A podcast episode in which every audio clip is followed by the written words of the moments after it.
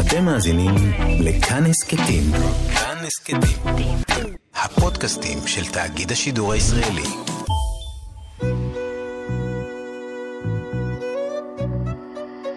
ליסה פרץ משוחחת. שלום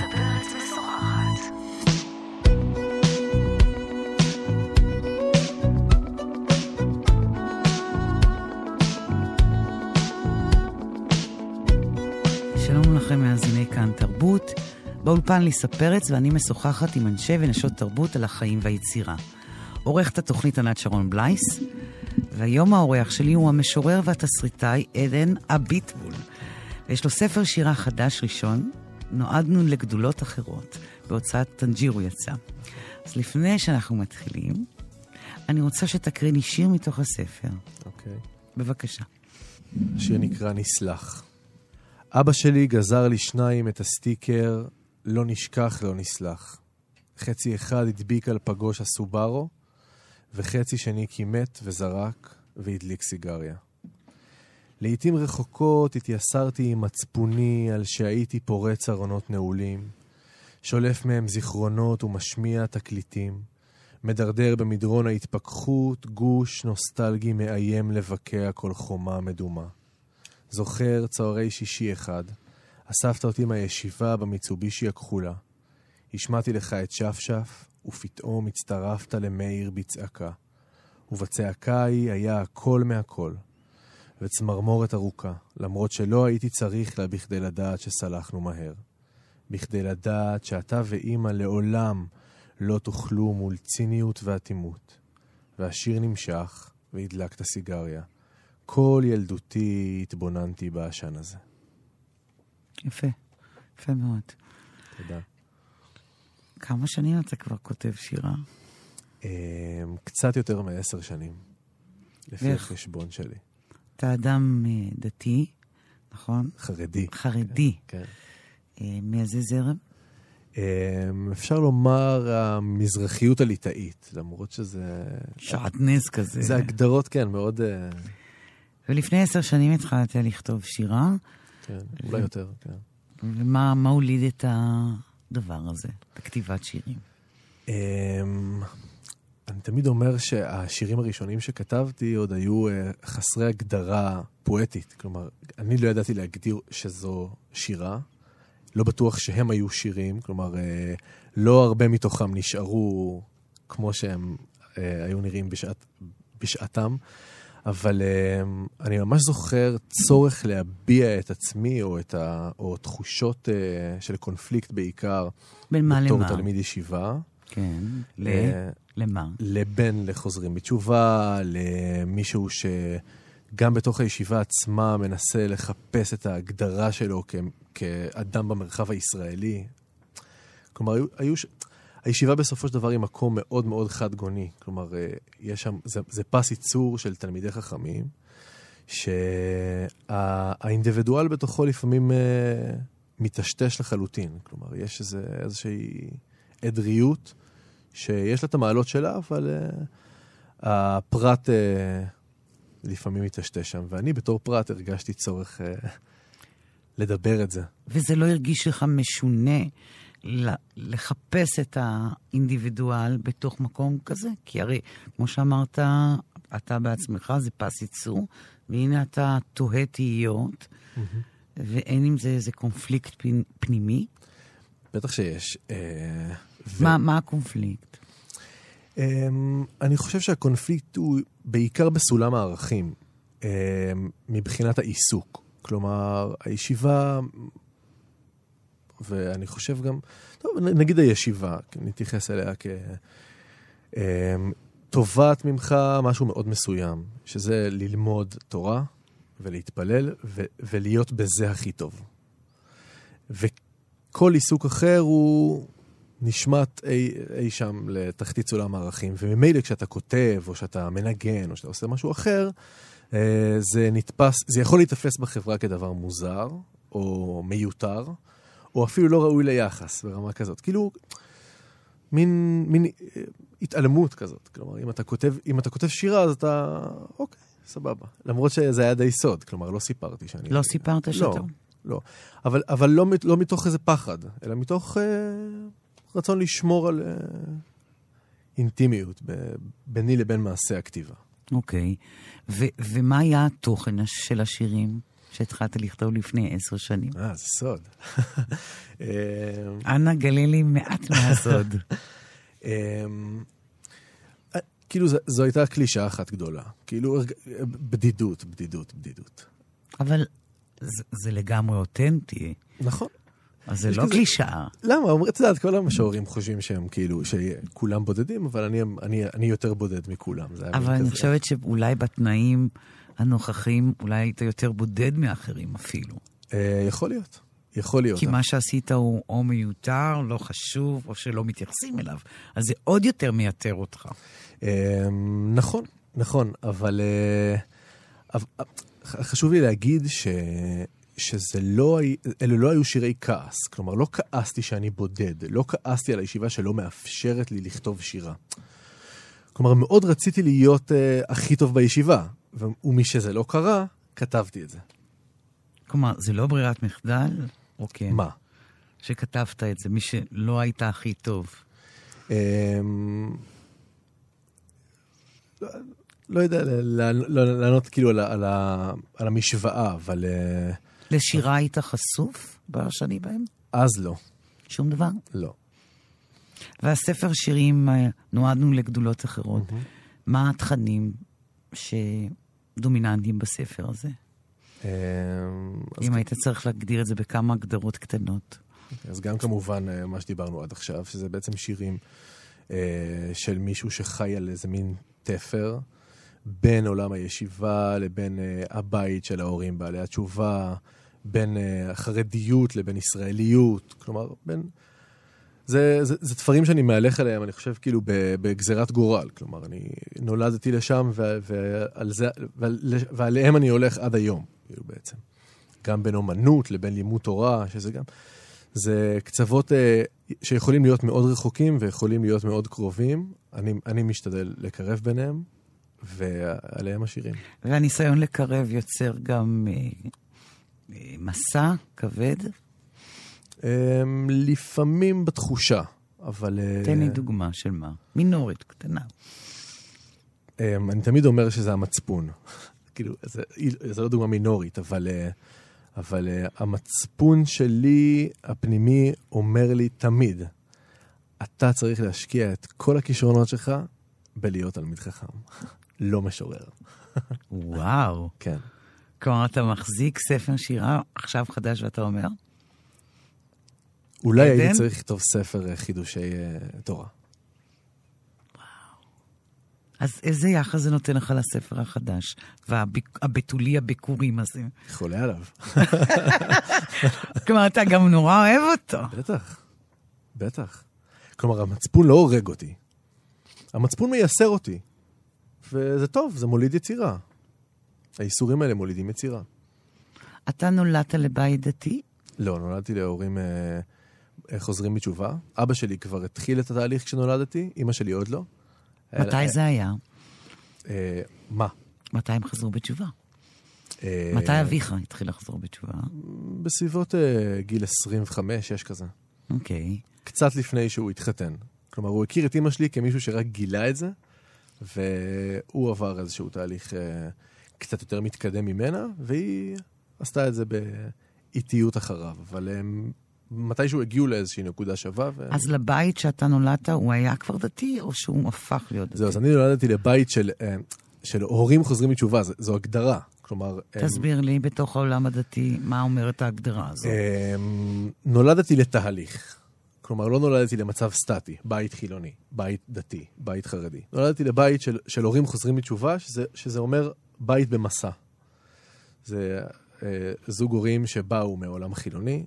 אבא שלי היה אומן כזה, בוהמיאן, ירושלמי, ואימא שלי סטודנטית באוניברסיטה העברית.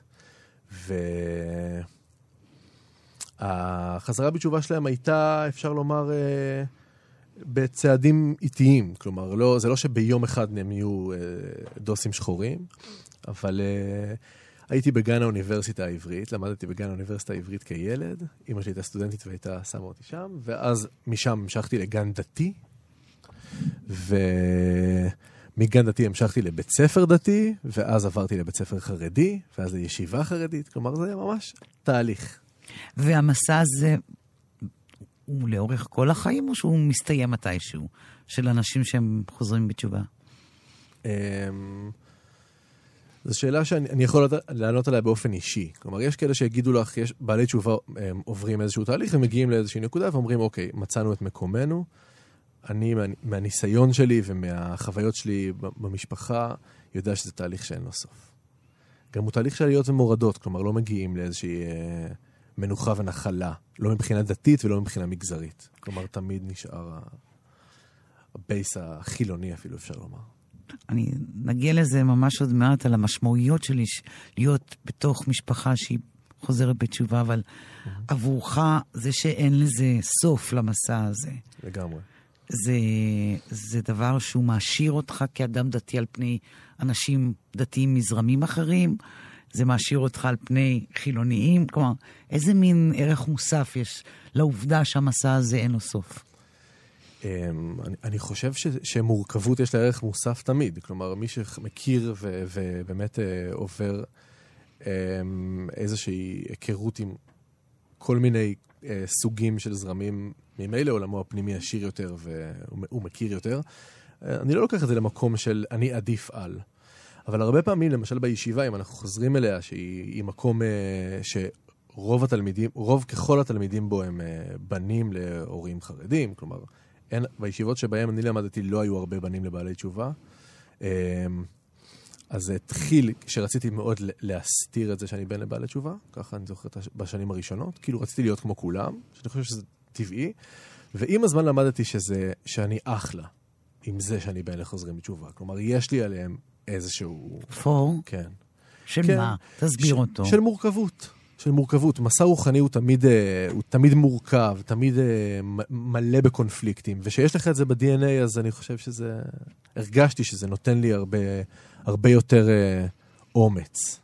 ובתוך החברה החרדית שאתה חי בה, מה היחס לבעלי תשובה, על פי רוב? אנא, תהיה גלוי. טוב, זה, זה באמת, זה נושא לשיחה בפני עצמה, אבל... החברה החרדית לא קיבלה טוב בעלי תשובה.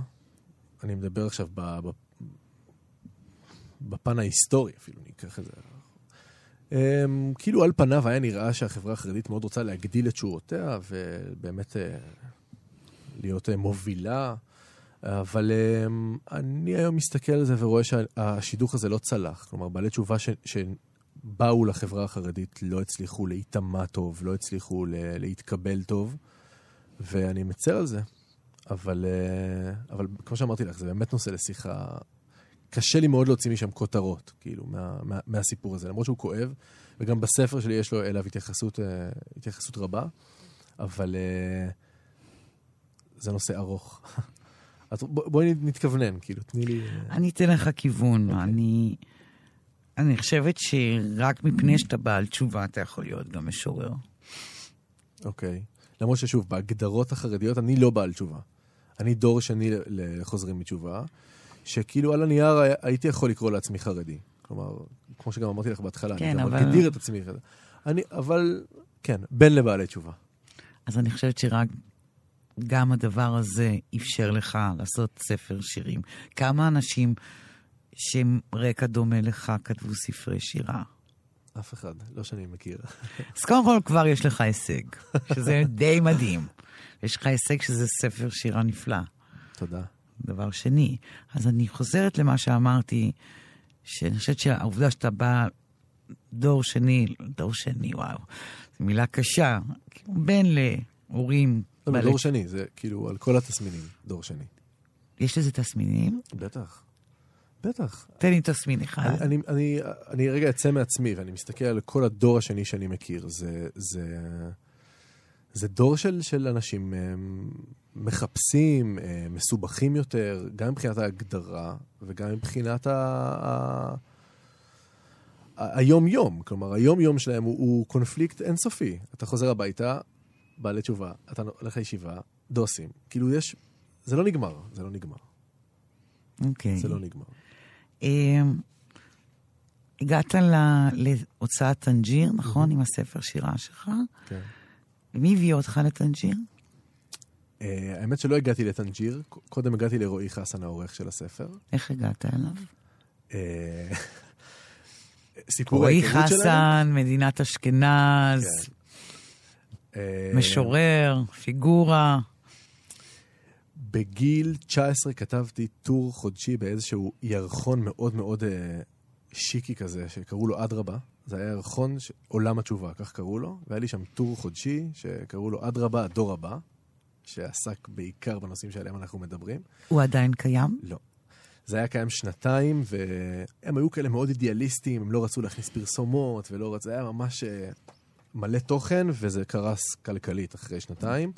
אבל כתבתי שם, והתפרסם שם ראיון עם רועי חסן, כשיצא, כשיצא, כשהתפרסם השיר מדינת אשכנז. ונדלקתי על הדמות שלו, שהשתקפה מהראיון, ו... אני זוכר שהלכתי לאיזושהי חנות ספרים בירושלים, שאלתי אם יש את הספר שלו, קניתי, קראתי, אהבתי מאוד, וממש כאילו... אה, ו- ופתאום נזכרתי שיש לי שירים במגירה. כלומר, זה היה ממש טריגר, החשיפה שלי אל- אליו, לדמות שלו, לשירה שלו. כי היה בה משהו מאוד, מצד אחד מאוד מאוד נוקב, מצד שני מאוד אה, מאפשר. כלומר, אמר- אמרתי, אם הוא מפרסם ו- ויוצא עם זה ככה, אני, אולי גם אני יכול. ועברו יותר משלוש שנים עד שפגשתי אותו פעם ראשונה, בהופעה בירושלים של אמיר לב. באת אליו? ניגשתי אליו אחרי ההופעה, כן, ואמרתי לו, נעים מאוד, וסיפרתי לו שיש לי שירים, ואם אני יכול לשלוח לו, והוא הסכים, וזו הייתה תחילתה של ידידות מופלאה. ועד, אה, כן, והוא ליווה את, ה, את העריכה, את ההוצאה, את הכתיבה, הוא גיבש איתך. הוא ליווה אותי ממש מהצעדים הראשונים של, ה, של, ה, של, של ההסתכלות בכלל על כתב יד ככתב יד, על, כ- כספר. מה למדת ממנו? וואו, המון. אני, אני לומד ממנו עדיין. מה למדת? אמ, למדתי ממנו המון על אומץ, הוא איש מאוד אמיץ, והשירה שלו מאוד אמיצה, והוא בעצם נתן לי להבין שמעבר לשירים עצמם יש עומד משורר. זה דבר שכאילו נטיתי לחשוב ש, שאולי אפשר להסתתר. כלומר, לפרסם שירים, להוציא ספר, אבל דמות המשורר יכולה להישאר באיזשהו אה, פרגוד. והוא ממש דחף אותי ל- לעמוד מאחוריהם, בשמי, בפניי, עם הזהות שלי. הוא אמר לי, אתה משורר, ואתה חרדי, וזה בסדר, ואתה בחור ישיבה, וזה בסדר. וזה היה בשבילי חידוש גדול. אני מודה לו האומץ. הזה שהוא נתן כן. לך. אתה, אתה, ועם זה תצא החוצה. וכמה ממשקים יש לך עם אה, רועי חסן בנושאים שהם, שאתה מתעסק בהם והוא מתעסק? כמה, כמה זה דומה? אמ, אתה גם, גם כותב על מזרחים, כמובן. נכון, נכון. על העולם, המשפחה שלך המזרחית. אה, נכון, אבל לא, דווקא את זה לא רציתי לציין כנקודת אה, ממשק ביני לבין רועי, למרות שזה כאילו גם נושא שהוא, שבו הוא מתעסק, או אולי הנושא שבו הוא מתעסק, אבל אה, אני חושב שהנקודה שבה אנחנו הכי דומים זה ששנינו באנו ממקומות, מ, מ, נקרא לזה אזורי גידול, ש, שלכאורה לא היינו, לא היינו אמורים להיות משוררים משם. הוא מהפריפריה וה, ו, וחדרה הרחוקה ו, ואני מה, מהישיבה, זה מקומות שבה, שלא מגדלים משוררים באופן טבעי, או לא גידלו משוררים עד לא מזמן, ושם אנחנו נפגשים, כאילו על איז, איזושהי נקודה כזאת של אה, אה, הנה עשינו את זה. ולא העניין המזרחי גם? ההשקפה, נגיד, על השיח המזרחי שלו דומה לשלך? אה, אני מאמין שכן, אבל אני, אני אגיד לך שבחיים לא דיברנו על זה. מה? בחיים לא דיברתי עם רועי חסן על העניין המזרחי. אתה רציני? רציני לחלוטין. ו- וכאילו יש לנו עשרות שעות שיחה אה, משותפות. לא דיברנו על העניין המזרחי, אף פעם. דיברנו זו- על זו שירה, אמת? דיברנו על החיים, כן, באמת. איך זה נעלם, התאייד מתוך השיחות? אני חושב שאולי בגלל שאני, כאילו, אנחנו ידענו על מה, ידענו מה מדובר, אז כאילו לא היה צורך לחדש שם שום דבר. כאילו, אנחנו מסכימים בזה. באמת? כן. לא יודעת, להחליף דעות, להלהיט אחד את השני, להתווכח. אבל זה- זו בדיוק הנקודה. כאילו, אני חושב שלא הרגשנו צורך להתווכח, כי, כי, כי אנחנו כנראה מסכימים על זה. אבל... אה, או ש- או שלא עוש- הגענו לזה. מכל כן, לא. המאות שעות שיש לכם. לא, לא הגענו לדבר על העין המזרחי.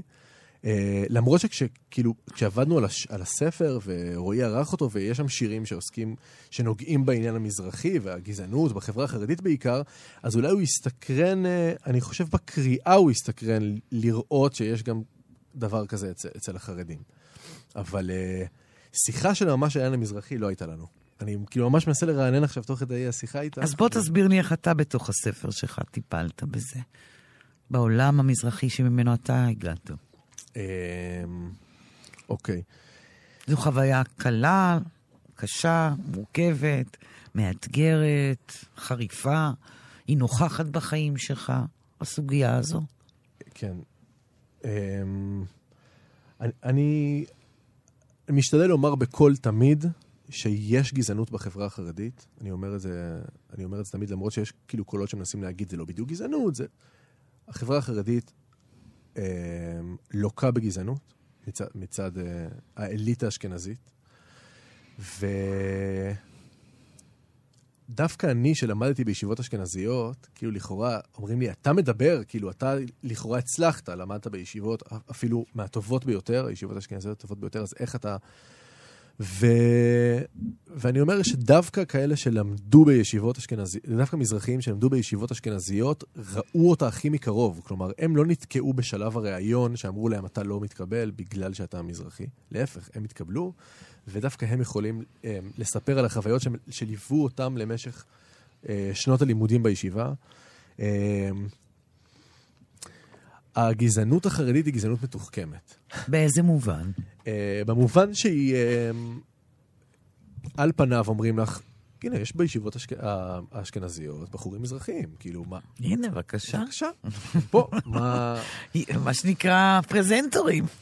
הם, הם נמצאים, ו...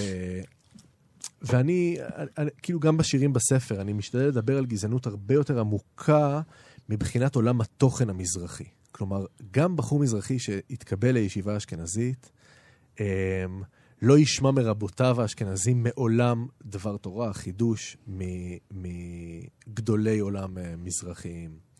הרב עובדיה למשל, שהוא בעיניי סמל ומופת, לא הוזכר פעם אחת בכל עשר שנות הישיבה שלי על ידי הרבנים בישיבה. עכשיו, אה, יבוא הטוען ויטען שזה באמת לא בכוונת מכוון. כאילו, יש, יש, עוד, יש עוד רבנים. ואני קורא לזה גזענות. ובזה אני חושב שאני יכול לסכם את, ה, את, ה, את הסיפור הגזעני בחברה החרדית. איפה גדלת? אזור מגורים, גדלתי בירושלים, נולדתי בירושלים. באיזה חלק? בקריית משה בהתחלה גרנו, ואחר כך בפסגת זאב, ואז הוריי עברו לבית וגן, והיום אני גר בנחלאות, וואו. ולומד בשערי חסד. אוקיי, והסביבה שלך הייתה סביבת החיים, המשפחה, השכונה, מזרחית? מגוונת. אמ, לא גדלתי בשכונה מזרחית, כלומר, את יודעת, בגלל הבית כנסת היה, בית כנסת, אה, נוסח התפילה בו היה ספרדי, אבל אני לא יכול להגיד שהסממנים המזרחיים היו כאילו באזור המגורים שלי. ירושלים היא עיר שיש בה הכל, אני לא, לא יכול להגיד שזה לא, מה ש... יש אזורים יותר לבנים בירושלים. נכון, ופחות נכון. לבנים. צודקת, אבל uh, אני, אני לא יכול לציין את זה בחיי כאיזושהי uh, נקודה משמעותית. כלומר, שגדלתי בשכונה מזרחית או לא. כאילו, זה... שם לא פגשתי את זה. גם הוריי, הם אף פעם לא... זה לא היה נושא, העניין המזרחי אף פעם לא היה נושא. הם לא? חוו את זה? אימא שלי בוודאי שלא. אימא שלי uh, גדלה בבית הכרם, שהיא כן דווקא שכונה, נקרא לזה לבנה בירושלים, אבל uh, uh, מצד אימא שלי לא, מצד אבא שלי, שנולד בבית שאן, והוריו עלו ממרוקו והגיעו למעברה בבית שאן, זה היה יותר, כאילו, יותר קיים, אבל גם בילדות שלי זה לא, זו לא הייתה שיחה, זה לא היה אישו בכלל, העניין המזרחי. עד, עד שנתקענו בזה בחברה החרדית. יפה. ואז זה חזר, כן. זה חזר. כן. זה חזק מאוד. זה נוכח, אני יודעת שזה נוכח. כן, זה נוכח, ו- ואני אני חייב לומר שאחרי הכל אני מגדיר את עצמי חרדי, ואני ממש מחכה לתיקון. כלומר, אני איך מאמין... יכול להיות תיקון? איזה אם- הצעה יש לך בראש, אפילו אם היא אוטופית נגיד, לתקן את הדבר הזה, לשנות אותו, להרכיב אותו מחדש? סתם, תסביר לי איך עושים את זה. אם אגיד- היה אפשר. כן, בשונה מהרבה שאומרים, כאילו, אני גם יודע שאומרים את זה על הגזענות הכללית, לא רק, לא, לא הגזענות החרדית, שכאילו, אין מה לעשות, זה בדם, מישהו גזען הוא גזען בדם, יש איזה מין אה, אמירה כזאת. אני, אני משתדל להאמין שלא. כלומר, אפשר לתקן דברים מאוד נקודתיים בחברה החרדית, ו... ולומר, תיקנו את הגזענות. אני מאוד רוצה. איך? לחשוב ככה. לפתוח את שערי או- הישיבות ולומר, אנחנו לא מתייחסים למוצא, לא, של האולפנות, האולפנות וגם אה, הישיבות. גם האולפנות. כן. אולפנות זה יותר במגזר הדתי-לאומי, אני מדבר. גם שם, החרדי. גם נכון, שם. נכון, נכון, גם שם. נכון. במוסדות החינוך, נגיד. נכון. קבלה שווה במוסדות החינוך. אמ, התייחסות שווה לעולם התוכן המזרחי, הדתי המזרחי, ואנחנו מאה שנה קדימה, טוב, זה, בשביל זה צריך אה, חלוצים. משוררים ברור. ומשוררות. ומושרורות. בינתיים יש מעט, נכון? חייב להגיד שיש הדרה, הדרה לגברים חרדים אה, אומנים. כלומר, יש עולם, עולם האומנות החרדי הנשי פורע. ממש כאילו, יש משוררות ותסריטאיות ובימאיות. קולנועיות. יש, יש... אה, אבל שוב, זה קשור למה שדיברנו קודם על סולם הערכים, שהגבר החרדי צריך ללמוד תורה, ולהתמקצע בה, ולגדול בה, ולהיות תלמיד חכם, והאישה החרדית יותר חופשית לעשייה כללית. אז אתה עכשיו בכלל מתלונן על אפליה אפליה, כלפי גברים. אפליה תרבותית, אה, כן, בטח. מה אני, אני רק בן אדם. אני חי ועובד כמו כולם, ורואה עתיד, וחושב תמיד, שהכוונה נותנת אמונה. לא מבין מה קורה וחושב, מי שומע את מה שבלב? ורואה עתיד, וחושב תמיד שהכוונה נותנת אמונה. ורואה עתיד, וחושב תמיד שהכוונה נותנת אמונה. ואם רק נסתכל, אם לא ניבהל, ונראה לעולם שביחד כולם, אז יחד, כן ללכת יחד, כן ללכת יחד,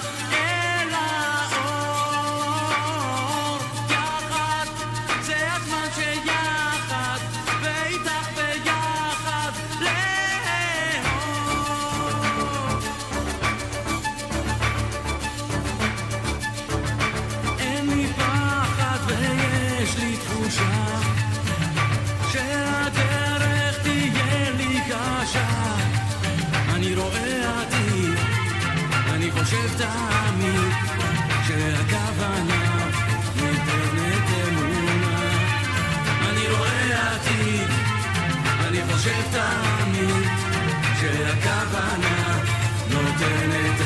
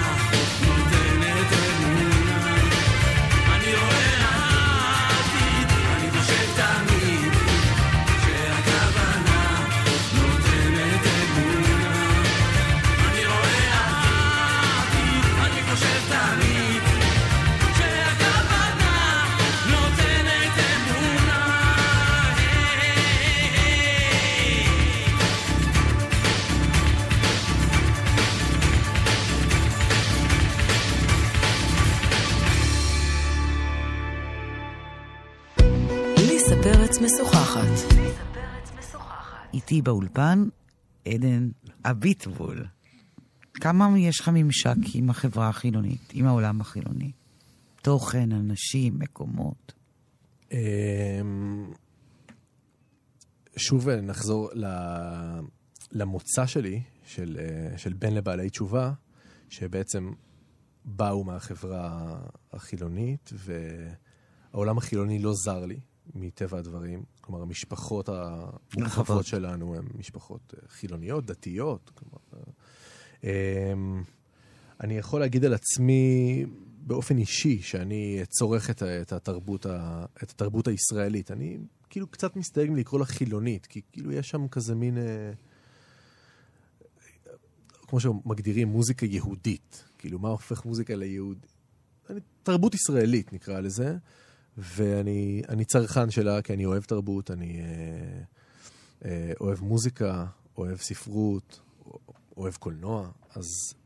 וממילא אין יוצרים כאלה ח- חרדים, אז אני, אני צורך תרבות באשר היא. ולא, זה בעיה עבורך?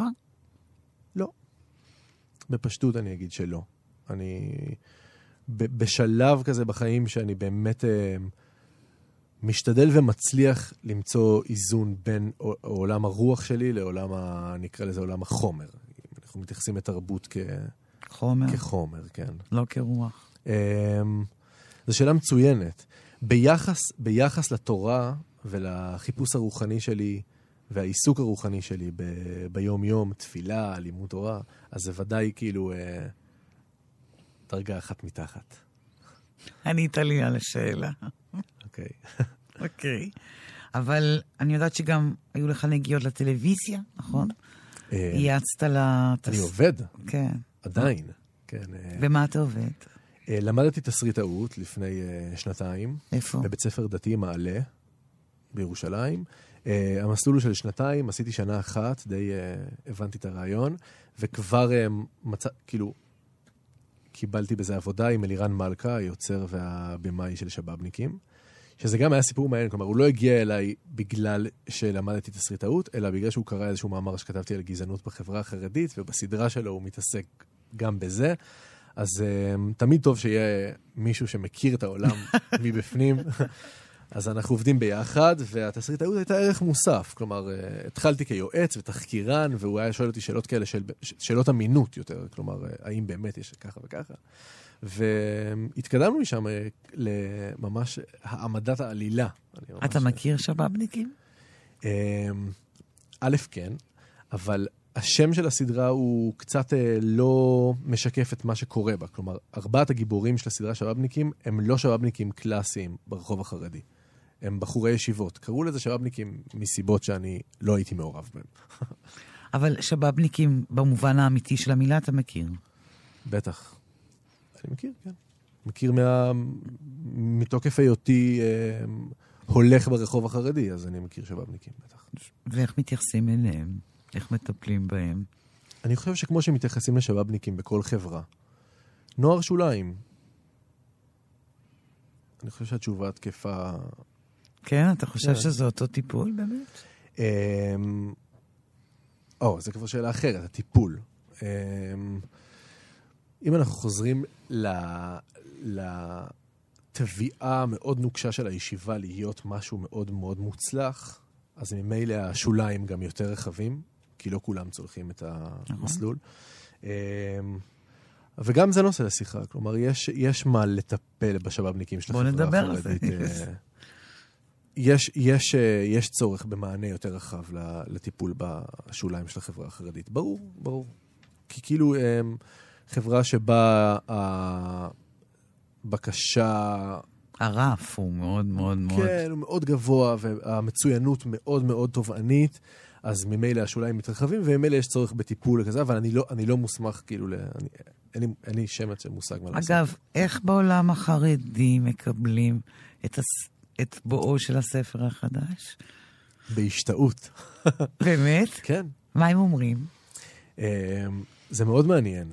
אה, נתת את זה לרב, את הספר שלך? אז אני אספר לך, כשרצינו להוציא את הספר, עשינו פרויקט הדסטארט, עשיתי פרויקט אדסטארט, ושלחתי את הלינק לחברים שלי, רוב החברים שלי הם חברים שלי מהישיבה, ושלחתי להם, וכל מי ששלחתי לו תמך, בלי לשאול כאילו מה אתה עושה, מה, מין כזה, באמת? היה כזה, וואלה, אם היית גם מוכר, לא יודע מה היינו מסיימים לך, כי, כי אתה חבר.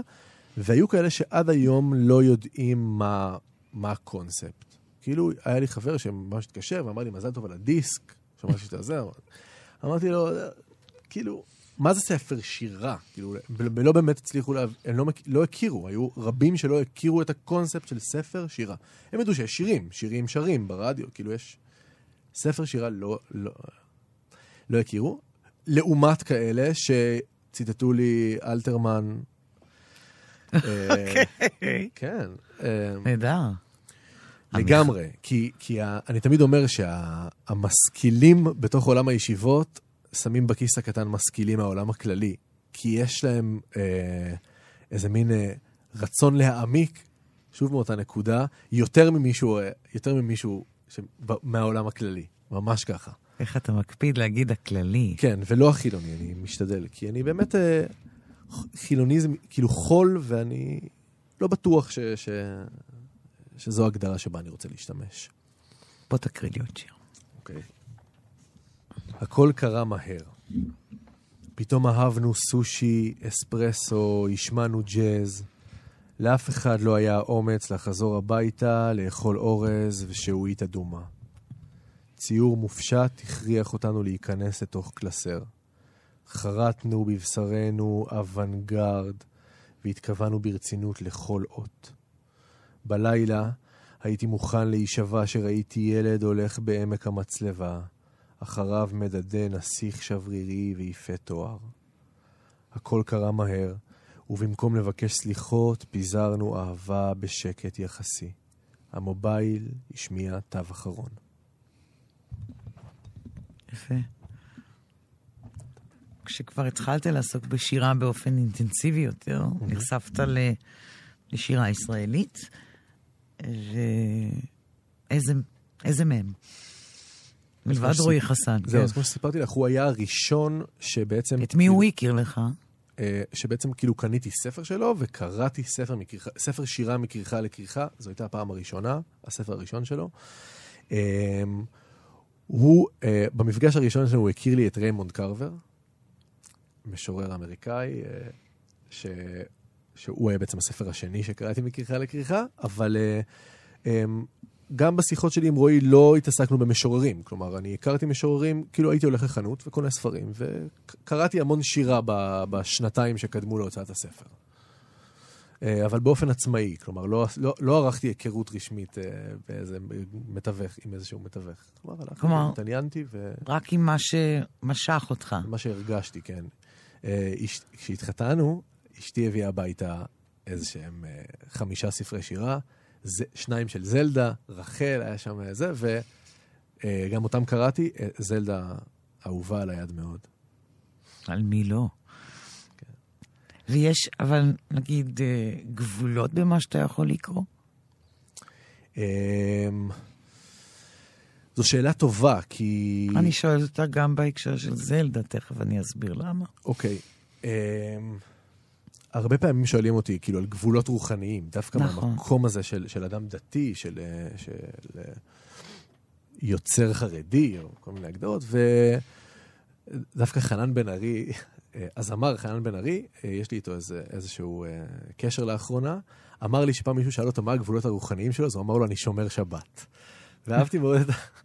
אז אהבתי מאוד את התשובה הזאת, כי היא בעצם, היא, היא חושפת את ה... את ה את הסתמיות שבשאלה. כי כאילו כמה שהיא שאלה חשובה, היא גם שאלה סתמית, כי גבולות משתנים כל הזמן, ו...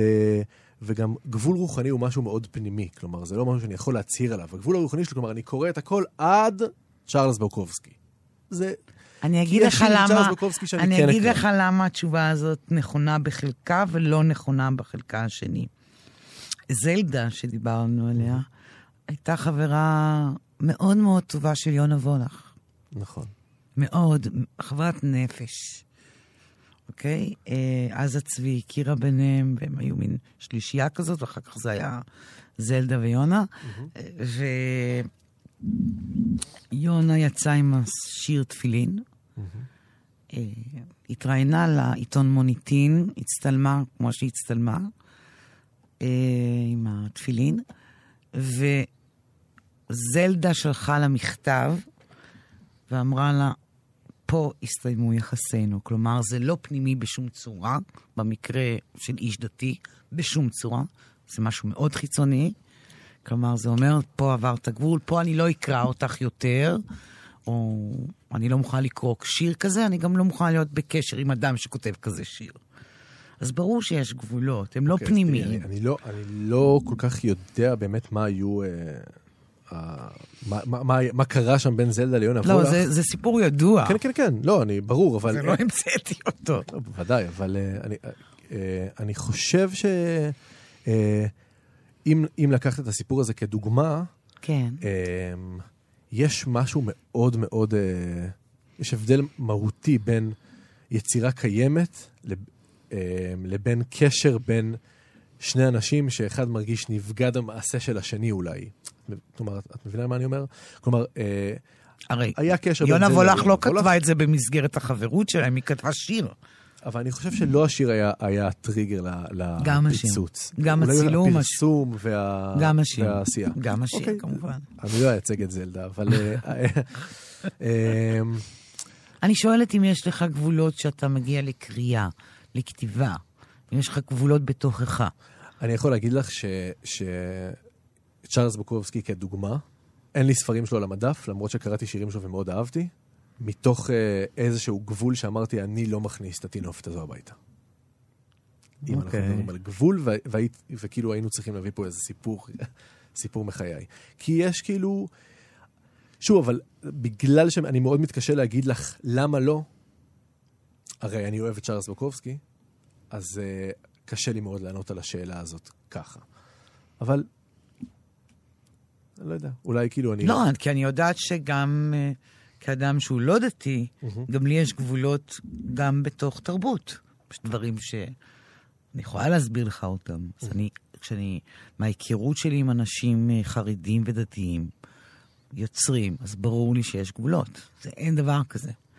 כן. והם לא רואים בגבולות אולי איזה משהו, אולי משהו לשחק איתו, משהו להתמודד איתו, או להרחיק אותו, או לכתוב עליו אפילו. אבל הוא קיים, הוא נוכח, כי הוא לחלוטין. מובנה. נכון. באופן מובנה וטבעי. נכון, נכון, נכון. ו- ו- ואני חו- אז אוקיי, אז, אז נחזור, נחזור בחזרה לעניין של, ה- של הגבולות הנזילים. כלומר, דווקא בגלל כן, שכאילו בדיוק הגבול הדבר מאוד הזה. משתנה, אז ממילא קשה לי להגיד לך עד כאן. אני עוד תופסת אותך בזנב של השאלה הלפני קודמת. כן. על ה... אם העולם החרדי יודע על הספר שירה שלך, אז אני שואלת את עצמי, אם הבאת למישהו את הספר, אתה מתכוון לעשות השקה גדולה על הספר בירושלים, לעולם שלך, לאיזה עולמות אתה הולך להסתובב עם הספר הזה בעולם? זהו, אז היו שתי השקות לספר, כבר היו. אחת בירושלים, גדולה בירושלים, בבית אביחי, בפסטיבל הספרות הקודם שלהם, של החורף. אמ, רוב הקהל היה חברים שלי מהישיבה, זה היה מרגש מאוד. אמ, כי, את יודעת, דווקא בגלל הזרות שלהם לדבר עצמו, לשירה, לספר, אז כאילו לא חשבתי שהם גם ייקחו חלק בזה, אבל... אה, הם לקחו. זה הם לקחו, ו... ולהפך, אני מקבל פידבקים של חבר'ה שקוראים את הספר ודרכו מבינים שירה, כלומר נחשפים לעולם הזה פתאום, ו... ומעריכים מאוד. אמ, יש לי, יש, לי, יש לי חזון כזה, כלומר הייתי רוצה לראות עוד חברים שלי כאילו מוציאים את היצירות שלהם החוצה, ויש. יש כאלה? יש יצירה, כן, בטח, יש, יש היא יצירה ב- שפועמת... אה, שפועמת מתחת. מתחת מהשטח, וזה קשור למה שאמרתי לך על ההדרה הגברית מהתחום התרבותי. כלומר, גבר חרדי מתבייש אה, לחש... לחשוף את היותו אומן, בשונה מאישה חרדית שעושה את זה בצורה טבעית. תגיד, מה הדבר הכי מפתיע לדעתך שיכול לקרות עם ספר השירים שלך? אה, שאני אקבל טלפון מהראש ישיבה שלי. באמת? כן, הכי מפתיע. זה הכי מפתיע? כן, זה. חלום שלי, הלוואי וזה יקרה. ואתה חושב שזה יכול לקרות? אמן. אני חושבת שהכי מפתיע אם אישה תלחין ותשיר שיר שלך, לא? זה לא יפתיע אותי. לא יפתיע אותך? לא. באמת? כן. זה ייראה לך משונה? ממש לא. להפך, אם מישהי תתקשר ותגיד שהיא רוצה להלחין שיר שלי, באהבה. אישה. אישה, בטח. אישה. לא, אבל צריך, צריך איכשהו אה, לדאוג שראש הישיבה יקבל. או ש, שזה יגיע אליו באיזשהו אני דרך. בטוח שהוא שמע משהו. והוא לא אמר מילה. אה, תראה, אנחנו לא בקשר, כלומר אין לי קשר איתו. אה, מי שמתחתן ועוזב את הישיבה, לא, אה, כמעט לא שומרים על קשר עם ראש הישיבה, אבל אה, הלוואי והוא, והוא יודע ואוהב, והלוואי והוא יתקשר. אז אני שולחת מכאן משאלה. אינשאללה. אמן. אם הוא שומע אותנו. אם הוא שומע אותנו, אנא ממך. אני רוצה להודות לך על השיחה הנפלאה תודה הזו. רבה, ליסה, תודה. תודה, אני. נהניתי. עד כאן השיחה עם המשורר והתסריטאי עדן אביטבול. באולפן ליסה פרץ, עורכת התוכנית ענת שרון בלייס. אפשר להזין לתוכנית הזאת ולאחרות ביישומון כאן. תודה לכם ולהתראות. אמונתי מנגנת בלילות בין קופסת הדמעות למיטה הריקה משוררים חיפשו מילה וגילו תהום אמונתי מנגנת בלילות. היא חיכתה כאן כל היום. שעות ארוכות. אמונתי לא צריכה הרבה מקום ישנה מתחת לגשר מטיילת בחצרות וכשהיא מנגנת אז אפשר פתאום לנשום ולשמוע ולראות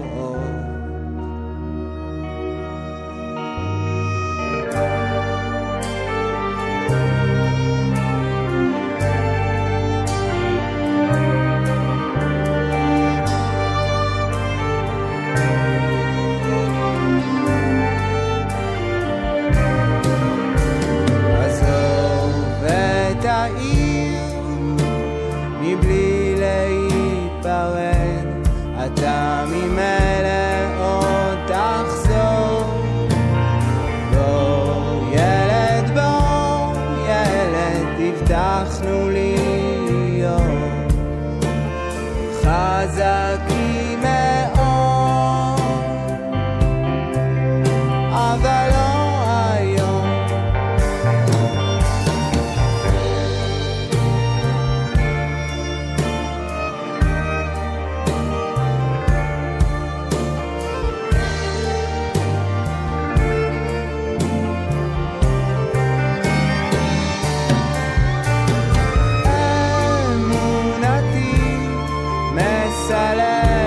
את הכל, משיבה את הזמן